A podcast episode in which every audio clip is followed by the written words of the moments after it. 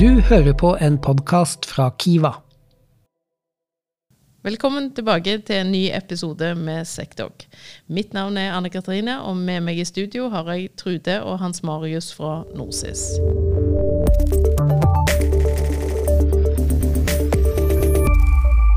I dag så skal vi snakke litt eh, mer om dette her med digital sikkerhet og hvilke grep kan eh, bedrifter ta. For en hører jo mye om løspengekrav, og det er svindler, og det er sikkerhet, og det er tiltak, og det, jeg vet ikke helt hva det jeg skal være for noe, ikke skal være for noe. Hvor begynner jeg, Hans Marius? Det var et stort spørsmål hvor den begynner. Det som er i hvert fall litt det inntrykket jeg sitter med da, på bakgrunn av de som kontakter oss i, i Norsis, det er jo at de blir jo nesten litt sånn apatiske. For det er så mye. ikke sant? Jeg hører om den ene svindelen, og jeg hører om det andre angrepet. Og så tror jeg kanskje at det vi glemmer å formidle litt, det er de enkle tinga som kanskje har veldig god effekt. F.eks. noe så banalt som pålogging. Hvordan er det vi håndterer pålogging? Det at man skrur på totrinnspålogging, er jo kanskje et av de aller, aller viktigste tiltakene vi kan gjøre i dag. Og For å forklare for de som ikke helt vet eller forstår, hva betyr totrinnspålogging?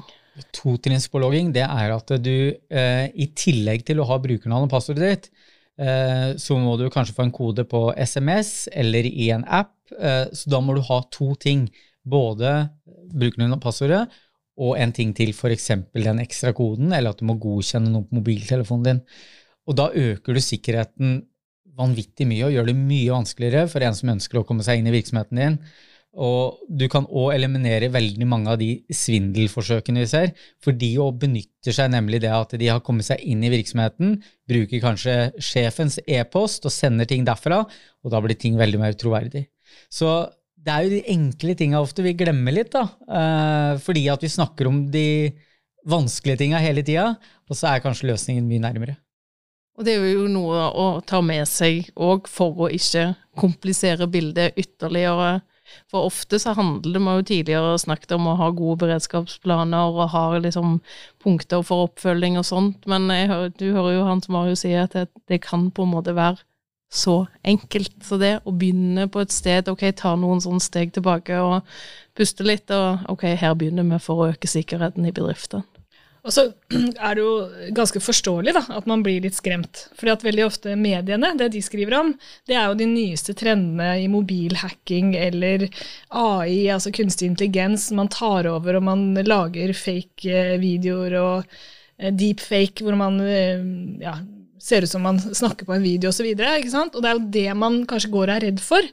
Men så er det egentlig så enkelt som at man må begynne i det små. Man må ha påloggingen på stell. Og så er det det med å ha en oversikt. Det tror jeg er noe av det viktigste også. Ja, Oversikt over Over hva du har av eh, verdier, over hva du har av Altså hvem du er, eller hvem du er i en verdikjede med. Over alle systemer og pålogginger og hvordan ting henger sammen og snakker sammen, og hvem som har tilganger osv. Eh, og, og også rett og slett hvor mye du har av sikkerhet. Og Hans Bård, hvis du skal ta den litt sånn videre, totrinns pålogging, hva mer? Ja, hva mer? Eh, nei, altså, jeg syns jo Trude oppsummerer veldig godt med det med å ha oversikt. fordi hvis du ikke har oversikt, så kan du i hvert fall ikke begynne noe sted. Eh, da blir det litt som å, å famle i, i, mørket. Og så er det jo en gang sånn da, at norske virksomheter de står jo fritt til å ta så mye risiko de vil innafor lovverket. Altså Er du innafor loven, så kan du ta så mye risiko du vil. Og Du kan på en måte da egentlig kutte ut sikkerhet sier ikke at det er en god løsning. Jeg vil jo anbefale de fleste å, å sikre seg. Eh, det er vel sagt litt sleivete at eh, tøffe gutter tar ikke backup, men eh, gråter ofte.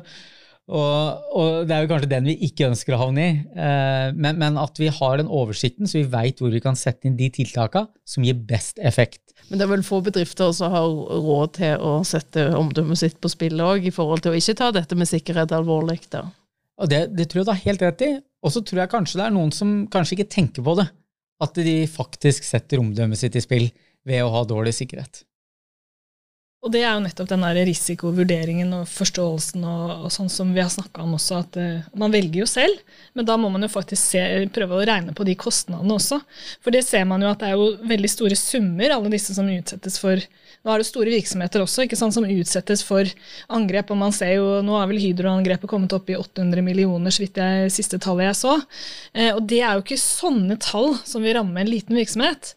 Men samtidig så vil jo kanskje 100 000-200 000 være så stort inngrep i budsjettet eller i regnskapet at de går dukken.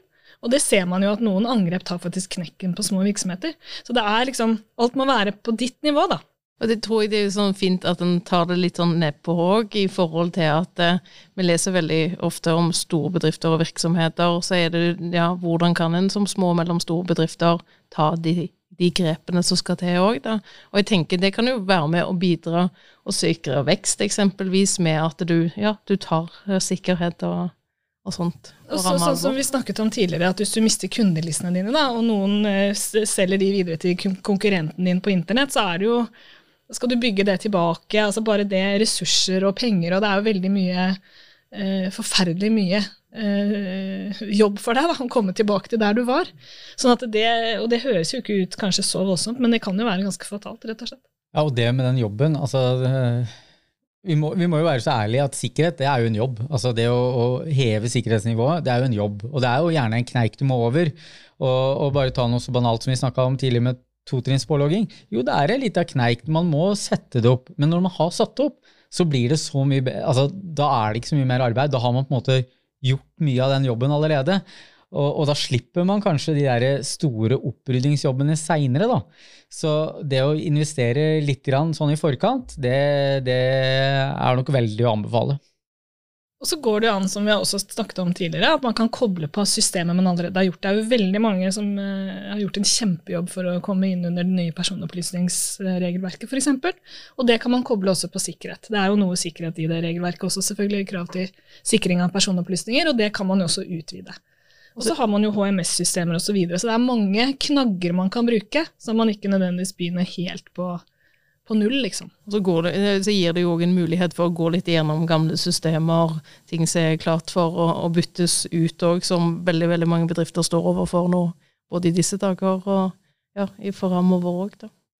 Ja, og det man ikke skal glemme, det er at uh, trusselbildet det endrer seg, det òg. Så behovet for at man bytter gamle systemer, ligger kanskje ikke alltid i funksjonaliteten i systemet, men i sikkerheten i systemet. Og jeg vil gå så langt og si at uh, hvis, du ikke, hvis, du har et system hvor du kan logge deg på fra internett, og det ikke tilbyr totrinnspålogging, så er det moden for, du, for utskifting. Uh, jeg mener at det er et minimumskrav at du har sikker pålogging ved, ved hjelp av totrinns på, på alle systemene du bruker. Men det tar meg litt sånn videre inn på, som du sier, i forhold til trusselbildet endrer seg hele veien. Og så tenker jeg, hvordan kan små og mellomstore bedrifter holde seg oppdatert rundt denne tematikken? Du bør ha en som er dedikert til å uh, holde i sikkerhetsarbeidet. Da. Om det er vedkommende som holder i det internt, eller om det er den som har kontakten med leverandøren. eller Det er jo ulike løsninger på det. Men det aller viktigste er at det er en som har et dedikert ansvar for sikkerhet. Uansett hvor liten virksomhet du har, rett og slett. Eh, og så må du Den må være da oppdatert hele tiden, og så må man sørge for sånn jevnlig påfyll til de ansatte. Det er jo det vi sier. Og Det er jo derfor vi har denne Nasjonal sikkerhetsmåned, som er den årlige kampanjen. Det er for å gi ansatte opplæring én gang i året. Og så må man jo selvfølgelig håpe at det starter at de fortsetter å, å vedlikeholde det, for det holder jo ikke med en gang i året. Men at du i hvert fall har én dedikert som, som, er oppdatert til enhver tid. Jeg vil jo tro i, i forhold til dette med at å arrangere Nasjonal sikkerhetsmåned, så handler det ikke om oktober, det handler om hele året å få det inn i kulturen. Og det er noe med å komme i gang, da. Det er ofte det at man, man melder seg på det, og så ser vi jo at mange blir inspirert av det ikke sant? og drar det videre og har egne opplegg i virksomhetene sine osv. Det er jo mange som, og jeg, jeg, For å være litt sånn på jeg føler jo med mange at, de, at det her er en utfordring. Nå er det nok en ny ting vi må forholde oss til. og eh, Det var vel en som sa til meg at forkortelsen data var egentlig dobbelt arbeid til alle. Og, og Jeg kan vel kanskje oppleve sånn, men vi må jo prøve oss å se det som sånn at det, det at vi får alle de nye hjelpemidlene og bruker de hjelpemidlene her, det gjør jo at vi kanskje får noen nye problemer, men at summen av problemer det blir mindre. Eh, og det er jo det vi må, må, se på. Og da må vi kanskje lære oss litt nye ting, og vi må forholde oss til informasjonssikkerhet og datasikkerhet, ikke sant. Eh, det behøvde vi ikke før, men nå er det kanskje andre ting vi slipper å tenke på. Så det er litt den innstillingen jeg tror vi må ha til det. Ja, for det ligger jo mye vekst og forretningsutvikling i all den dataen vi har, har med å gjøre i, i alle bedrifter også. Og teknologi er jo virkelig fantastisk. Det er jo helt uh, utrolig hva vi har av muligheter. Og du kan jo tenke deg de som, som Østre Toten, da, som måtte tilbake til å drive all, alt på papir og ikke fikk sendt fakturaer. altså Jeg tror ikke de er misfornøyd med å komme tilbake til det digitale, for å si det sånn. Så jeg tror man skjønner at det, at det gir deg mye. Uh, og så er det jo mer den der balansen, da. Uh, å ha orden på det digitale og på, på data, rett og slett sånn at man slipper å havne i den situasjonen at man må tilbake til hvordan det var før. da. Rett og slett å ha, ha nok basiskunnskap og, ja, og bruke sunn fornuft. Da. Jeg tenker vi skal avrunde for i, i dag, så tusen takk. Du har hørt en podkast fra Kiva.